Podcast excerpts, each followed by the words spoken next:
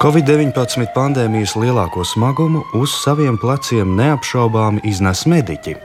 Itālijā sērga ieguva katastrofas apmērus, kad par infekcijas perēkļiem kļuva slimnīcas. Lai no tā izvairītos, Latvijā valsts definējusi uzdevumu īpaši uzraudzīt ārstniecības iestāžu pacientus un personālu. Par spīti tam vairāk nekā 50 veselības aprūpes darbinieki ir saslimuši. Biežāk minētais infekcijas avots ir pacienti, kuri melo par savu veselības stāvokli un kontaktiem ar slimajiem. Taču ir arī citi iemesli. Iespējams, nevajadzīga varonība, vīrusa perēkli iesējusi ātrajā palīdzībā.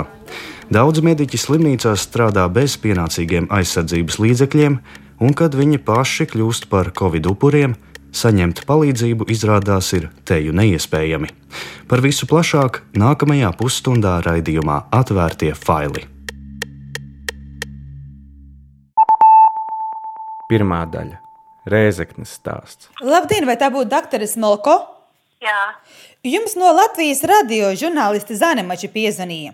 No internetā atrastas bildes raugās smaidīgi tumšmate zilā ārsta uzsvārcī.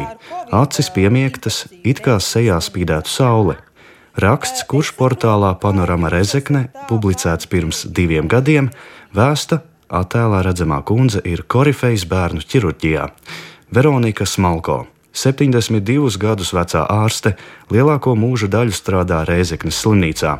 Tagad viņa kļuvusi par vienu no ārstiem ar pozitīvu covid-19 testu. Veronika Smalko piekrita raidījumam atvērtie faili pastāstīt savu pieredzi. varu sakot, 19. datumā, kaut kur pēcpusdienā man iestājās tāds nespēks, vājums, drūzis kaut kāds. Izmērīt temperatūru 37 un 3. Bet kaulu slaus tā kā rītīga gripa, kā saka, kā āda jūtīga, super jūtīga un visi kauli sāp. Nu, tad es pa nakti tā slikti gulēju, sāku domāt par to covid. Pašlaik ir labāk, saka ārste, bet sarunas laikā ik pa brīdim viņai uznāk klēpu slēgme. Viņa domā, ka saslimusi dienā, kad pirmo reizi sajutusies slikti, 19. martā. Pēc šīs dienas uz darbu nav gājusi, izolējusies privātmājā, kurā dzīvo kopā ar vīru, arī ārstu, savu māsu un trīsgadīgo mazmeitu. Tikai četras dienas vēlāk Smolko tika pie bīstamās slimības testa. Man jau tikai 23. paņēma tās analīzes, kaut gan es saslimu 19. es 20. visu dienu zvanīju, kamēr es sazvanīju 8303. Tas ir numurs, uz kuru jāzvan, lai pieteiktu Covid-19 analīzes. 5. vakarā, sestdien, svētdien viņa neatbrauc, atbrauca tikai pirmdien pulkstens 8. vakarā. Paņēma man to analīzi, nu, nākošajā dienā tad viņa paziņoja ģimenes ārstam, ka man ir, ir pozitīva tā. Tobrīd tuvākās Covid-19 analīžu teltis bija Daugaupilī. Cilvēki ar aizdomām par saslimšanu uz to varēja doties tikai ar savu privāto auto. Pie Smolko analīžu brigāde ieradās paši. Šobrīd speciālā telts ir arī Rēzeknē. Kad brigāde ieradās Smalko mājās, testu veica tikai Veronikai. Vīram, māsai un mazbērnam analīzes neņēma. Tāds ir valstī noteiktais testēšanas algoritms. Kopš Veronikas saslimšanas visiem gan jāsēž mājās. Ģimenes locekļiem testu nozīmēja 1. aprīlī, kad Veronikai jāveic atkārtotas Covid-19 analīzes. Savukārt Rēzeknas slimnīcā analīzes veica 67 cilvēkiem, gan ārstiem, gan pacientiem. Par kontaktpersonām atzina 26 cilvēkus, no tiem 7 ir mediķi. Viņiem visiem lika izolēties. Pašlaik slimnīcas darbību tas būtiski nav ietekmējis. Pozitīvi testi ir apstiprināti divām medicīnas māsām. Viena no viņām strādā kopā ar smalko vīru, ārstu Ivanu Smolko, kuram Rēzeknas poliklinikā ir traumatologa prakse. Veronika saka, tas ir dīvaini. Tur tā māsiņa ir pozitīvs. Jā, tā māsiņa, kas ar mani poliklinikā pieņem, kaut gan jocīgi, viņai ir negatīva atbilde. Viņa tagad ievēro tikai divu nedēļu karantīnu, pašizolāciju. Bet viņa ir negatīva, kaut gan viņa ar mani, ar slimu mani sēdēja un pieņēma bērnus poliklinikā. Kur ārste dabūja infekciju līdz galam nav skaidrs. Gan viņa pati, gan Rēzeknes slimnīcas vadība uzskata, ka no pacienta, kaut gan šai versijai ir savi trūkumi. Nedēļu pirms saslimšanas pie Smolko uz slimnīcu atnāca vīrietis un sieviete. Abu dēlu bērnu ķirurģe februārī operējusi. Un viņi ienāca kabinetā tādi iedeguši, pateicās tur man par operāciju. Un es saku, kur jūs tādi iedeguši, kur jūs bijāt? Viņi saka, mēs bijām Indonēzijā, Balis salās. Es saku, nu, bet jums tad ir jāceļ karantīnā. Mm -hmm. Jo taisnība no tā 12. datuma bija sludināta karantīna visiem iebraucējiem. Mm -hmm. Viņi man saka, tur nav koronavīrusa. Ģimene no Indonēzijas atlidojuši 6. martā. Tad šī valsts vēl nebija ceļošanai aizliegto valstu sarakstā. Iespējams, šīs formalitātes dēļ epidemiologi uzskata, ka dakterei Smolko nav bijuši kontakti ar ārzemēs pabijušajiem. Viņa tam nepiekrīt. Bet kāpēc dot tādu oficiālu, teiksim, Belfos paziņojumu, ka nav bijis kontakts? Nu, ir bijis kontakts. Es vienkārši nevaru pateikt, vai tie cilvēki ir slimi vai veseli. Vienalga, viņa tās divas nedēļas viņa nav paši izolējušies, ja viņi atnāk uz slimnīcu. Bet vai ārstei pēc šīs tikšanās nebija jāizolējas pašai? Tobrīd viņa par to nav domājusi. Smolko atstāsta neoficiāli dzirdēto, ka šiem ceļotājiem Covid-19 tests bijis negatīvs. Grūti teikt, vai tās analīzes ir kvalitatīvas vai simtprocentīgi viņiem var ticēt. Nu, tā, tāds, tāds ir tas sākums. Tiesa, ar ārzemēs pabijušajiem ārste kontaktējusies arī pirms Indonēzijas apceļotājiem. Pie viņas ciemojušies ārzemēs dzīvojušie bērni. Pati Smolko uzskata, ka šim apciemojumam ar viņas saslimšanu gan nav nekāda sakara. Apciemojums noticis vēl pirms ārkārtas stāvokļa izsludināšanas Latvijā. 25. februārī iebrauca un 8. martā jau aizlidoja projām, un līdz šim brīdim ir veseli. Tajā laikā pat Šveicē es nezinu, vai tur viens saslimšanas gadījums bija. Šonadēļ Veronika Smolko otrais nodeva analīzes, testus veica arī viņas ģimenes locekļiem. Kad sazināmies atkārtoti, situācija viņas mājās kļuvusi dramatiska. Smagi saslimis Veronikas vīrs, arī ārsts. Viņam ir 75 gadi temperatūra, grūtības elpot. Šādā stāvoklī viņš tomēr ar auto vedis ģimeni uz Rēzeknes slimnīcu, kur viņam atklāta pneimonija. Kompjuterā ir apusē pneimonija, un tā arī raksta, ka viņa ir Covid tipa tāda, ka viņa bojā to sīko salveolas. Elpošanas virsma samazinās. Nu, praktiski vajadzētu gulēt pie skābekļa bet Veronikas vīrs aizsūtīts atpakaļ mājās. Reizeknas slimnīca viņu uzņemt atteicās. Rēģinu uztaisījām, braucat projām, braucat projām, ātrāk braucat projām. Mūs neņēma. Nav vietas, divas gultas tikai izdalītas, jāvārdu sakot, sūtīs uz Rīgu. Taču arī Rīgā infektuoloģijas centrs viņu atteicās uzņemt, kamēr nav pozitīva Covid-19 testa. Dakteru ģimene nesaprot, kāpēc tests nav veikts visiem uzreiz. Es zvanīju uz to telefonu 8303 un teica, nē, nē, nē, ja vienam būs apstiprināts jums, tātad visi pārējie arī ir inficēti. Nav jāņem visiem. Jo tad trauksmīgi daudz iznāk analīžu, bet tagad iznāk, ka ir komplikācijas, tad vienalga vajag to atbildi. Ja? Šī raidījuma tapšanas laikā jaunākie analīžu rezultāti vēl nav zināmi. Tāpat nav zināms arī tas, vai Rēzeknes dakteris ticis slimnīcā. Oi, zinot, nevienam neesi vajadzīgs. Visu mūžu strādāju tajā Rēzeknes slimnīcā, un nevienam tu neesi vajadzīgs. Veronikas ģimenes pieredze rāda gan to, ka valstī noteiktajiem testēšanas algoritmam ir trūkumi, gan to, ka reģionālās slimnīcas Covid slimniekiem nav gatavas. Mediķi baidās, saka Smolko. Visi baidās pat pienākt, tevi paskatīties. Jā, tu tā kā esi ar mēri, slims vai raudzīgs, sazin kā, nu, bet vienalga. Katru inficēšanās gadījumu izmeklē epidemiologi. Silvija Skubaka no Slimību profilakses un kontrolas centra skaidro, ka izmeklēšanā galvenais ir apzināt saslimušā kontaktpersonas.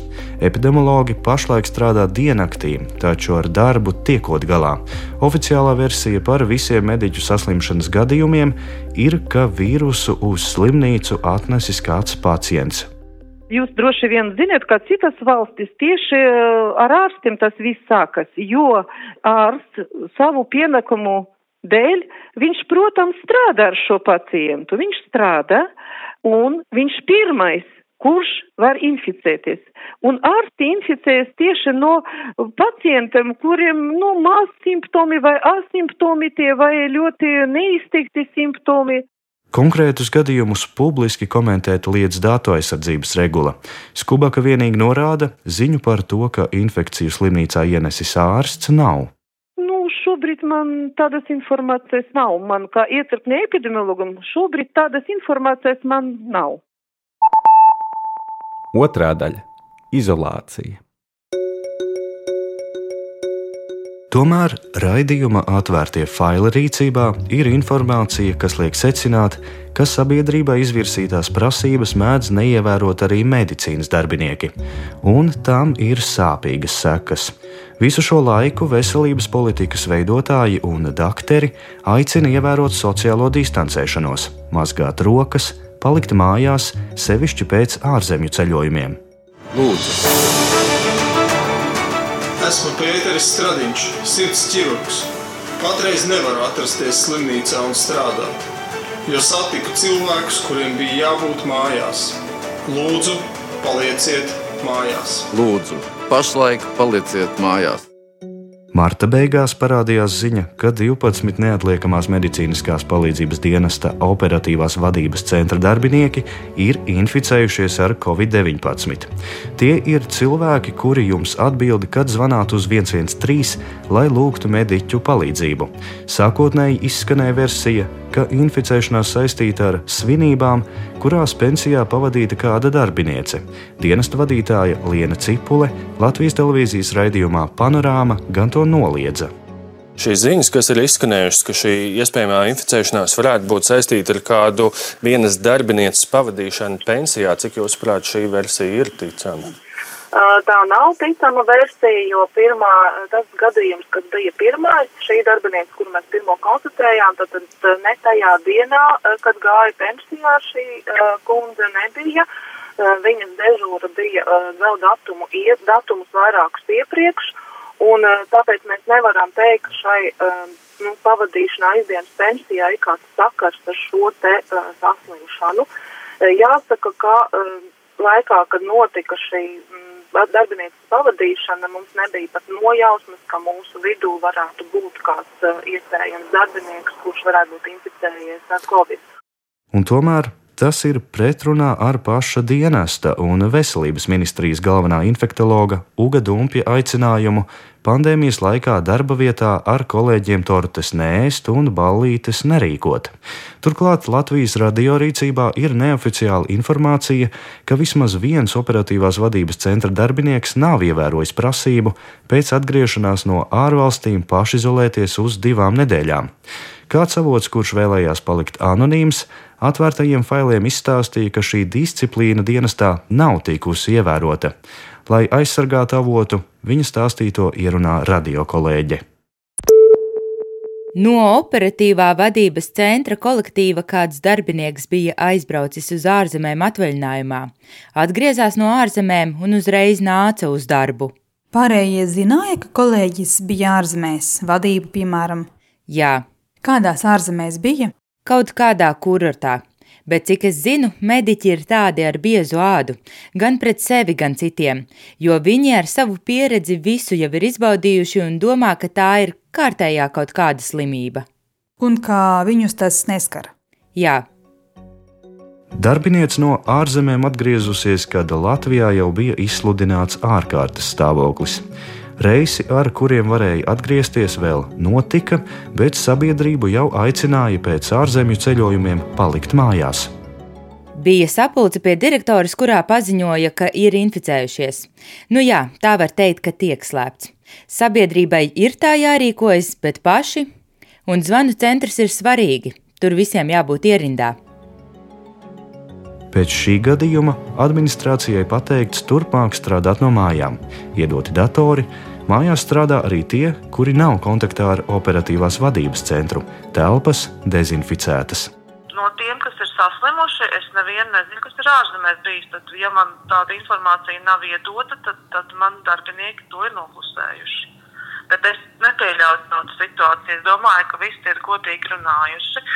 Mums bija situācija, ka tajā brīdī, kad atgriezās cilvēks no Ēģiptes, šī valsts nebija iekļauta riska valstu sarakstā, un viņa tika iekļauta nedēļu vēlāk. Mums bija neliels samulsums, ko darīt ar šo situāciju, jo cilvēks jau bija strādājis vairākas dežūras. Mm -hmm. nu, ņemot vērā to, ka viņš bija nostrādājis un nebija saslimis, arī nekāda īpaša mēra netika pieņemta, jo tas arī tas 14 dienu periods faktiski bija beidzies. Tā notikušo komentē neatliekamās medicīniskās palīdzības dienesta vadītāja Liena Cipule. Kopējais saslimušo skaits ir tātad 26 darbinieki, kas mm -hmm. ir inficēti ar covid. Kopumā karantīnā atrodas 53 darbinieki. Kā tas to darbu ietekmē? Nu, ņemot vērā, ka mums ir 3500 darbinieku, nevarētu teikt, ka nu, brigādu darbu vispār nekā tas neietekmē pagaidām. Mēs attiecībā uz operatīvo vadības centru, kā saprotiet, ja nav sūdzība, ka nevar sazvanīt 113, tas nozīmē, ka arī tiekam ļoti labi galā, jo mums ir šis te alternatīvais risinājums, kas atrodas Daugavpilī. Tātad arī uz turieni tika uz vairākām dienām pārvirzīts viss darbs. Bet es jau saprotu, ka no ārstiem, nu, no tiem, kas brauc pie pacientiem, no tie jau neviens vēl nav slims. Mums ir viens pozitīvs gadījums ārstu palīgs Latgales reģionālajā centrā un viens ārstu palīgs Zemgales reģionālajā centrā.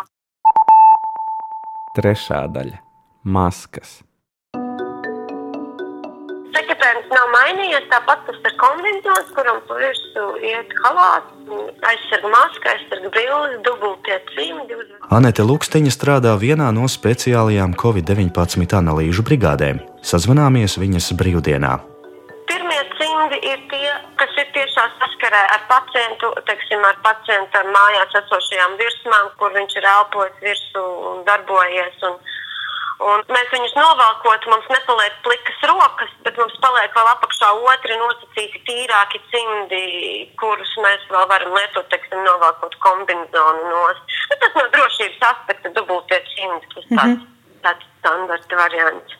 Nu, un tad jūs pēc tam vēl kaut kā sevi nopūšat ar kaut ko, kad jūs izējat ārā, lai varētu tā kā dot. Jā, jā, protams, protams, mums dezinfekcijas līdzekļus, tos mēs šobrīd, man liekas, ļoti daudz patērējam. Ātro mediķi ir pirmajās frontes līnijās. Abi ārsti uzskata, ja ievēro piesardzību, pareizi saģērbjas un vēlāk noģērbjas, tad inficēšanās risks ir tuvu nulē. Tāpēc labam ekipējumam ir nozīme. Bet ne visiem mediķiem tāds ir.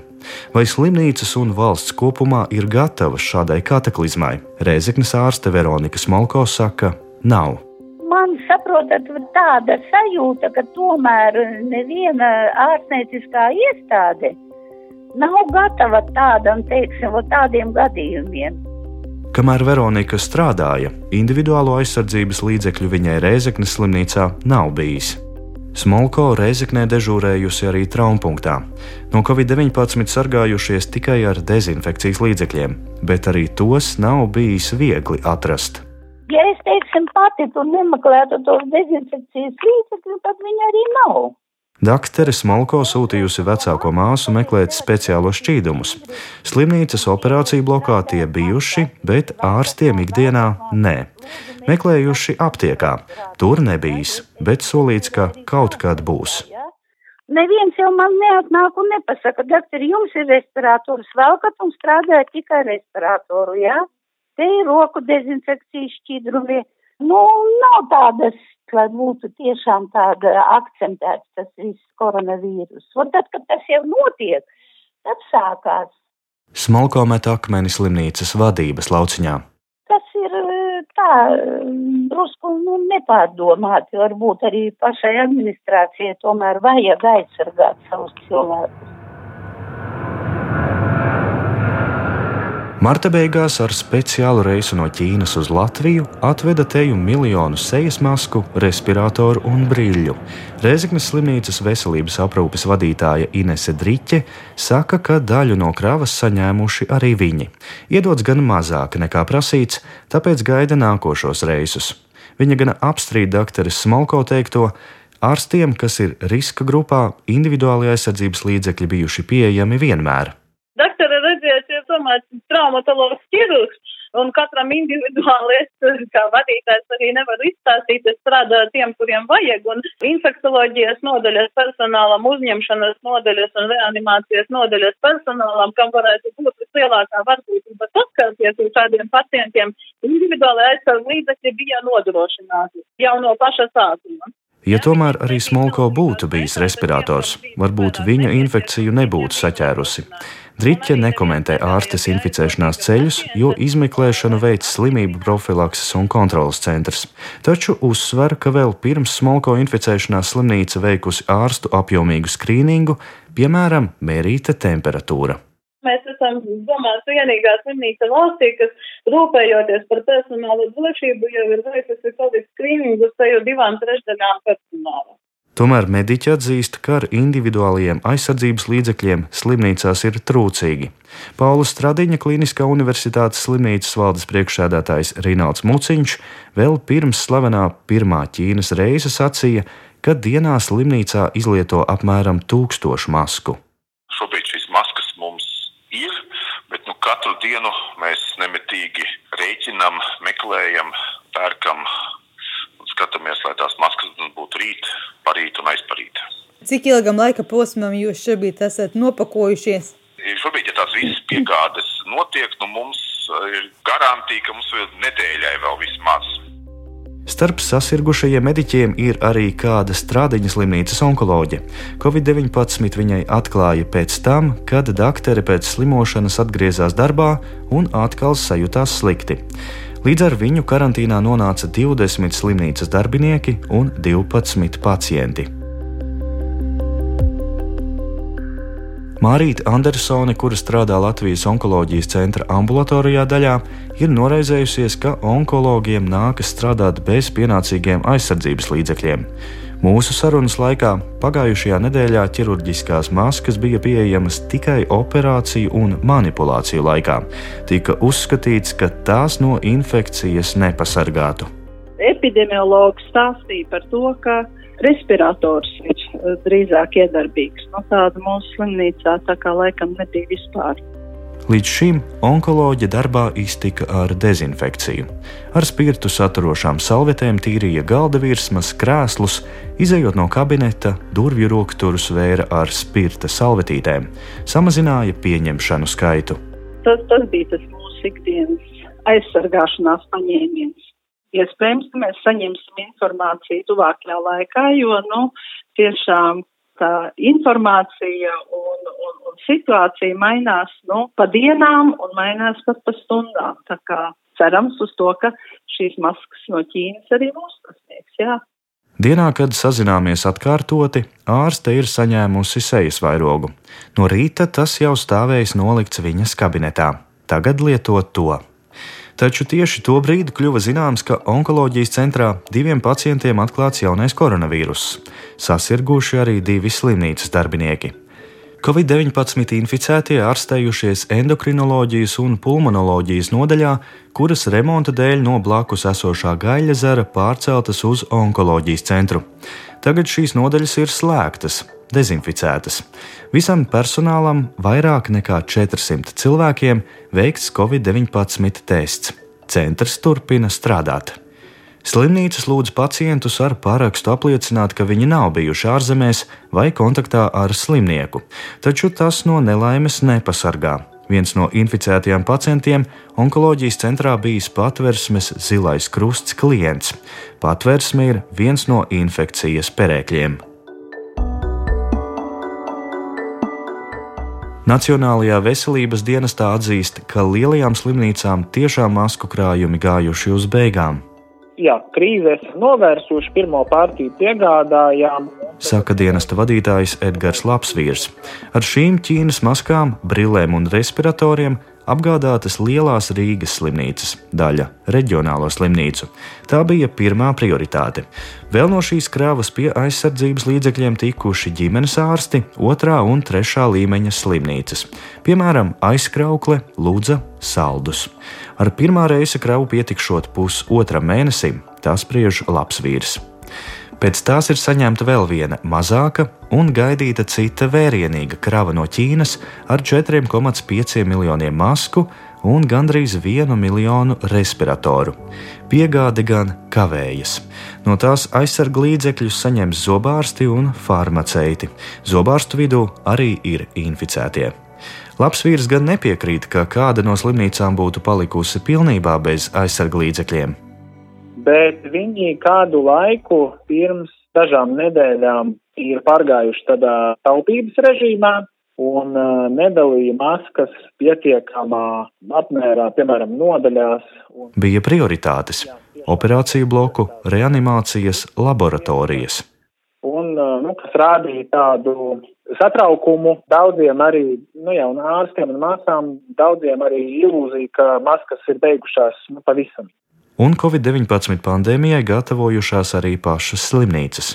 Ja viņas nebūtu gatavojušās, tad masku tur nebūtu jau pirms dažām nedēļām. Tomēr ar individuālajiem aizsardzības līdzekļiem ir liela problēma. Šobrīd teju vienīgā iespēja maskas un respiratorus iegādāties ir Ķīnā. Citas valstis, piemēram, Turcija, Indija, Baltkrievija, ir noteikušas eksporta aizliegumu. Lielos apjomos tos ražo un eksportē Ķīna, kur iepērkas gan Eiropas Savienības valstis, gan ASV. Un jāsaprot, ka tas deficīts tiešām ir globāls. Absolūti visas attīstītās valstis veido uzkrājumus. Amerika pasūta, ja mēs pasūtam miljonu, tad Amerika pasūta 300 miljonus. Un uh, vienīgi šie traucējumi, nu, jācer, ka viņi ir izlaicīgi. Man neliekas, ka tas deficīts ir hronisks. Veselības dienests vērtē iespēju maskas pirkt no vietējiem uzņēmumiem, taču sākt tās ražot nav tik vienkārši. Maskām ir savi kvalitātes kritēriji, un to vajag daudz. Pagaidām var tikai cerēt, ka speciālo aizsardzības līdzekļu veselības aprūpes iestādēm pietiks, un ievērot disciplīnu visās sabiedrības grupās. Tortes darba vietās nēst, kolēģus pensijā pavadīt pēc epidēmijas, distancēties un mazgāt rokas.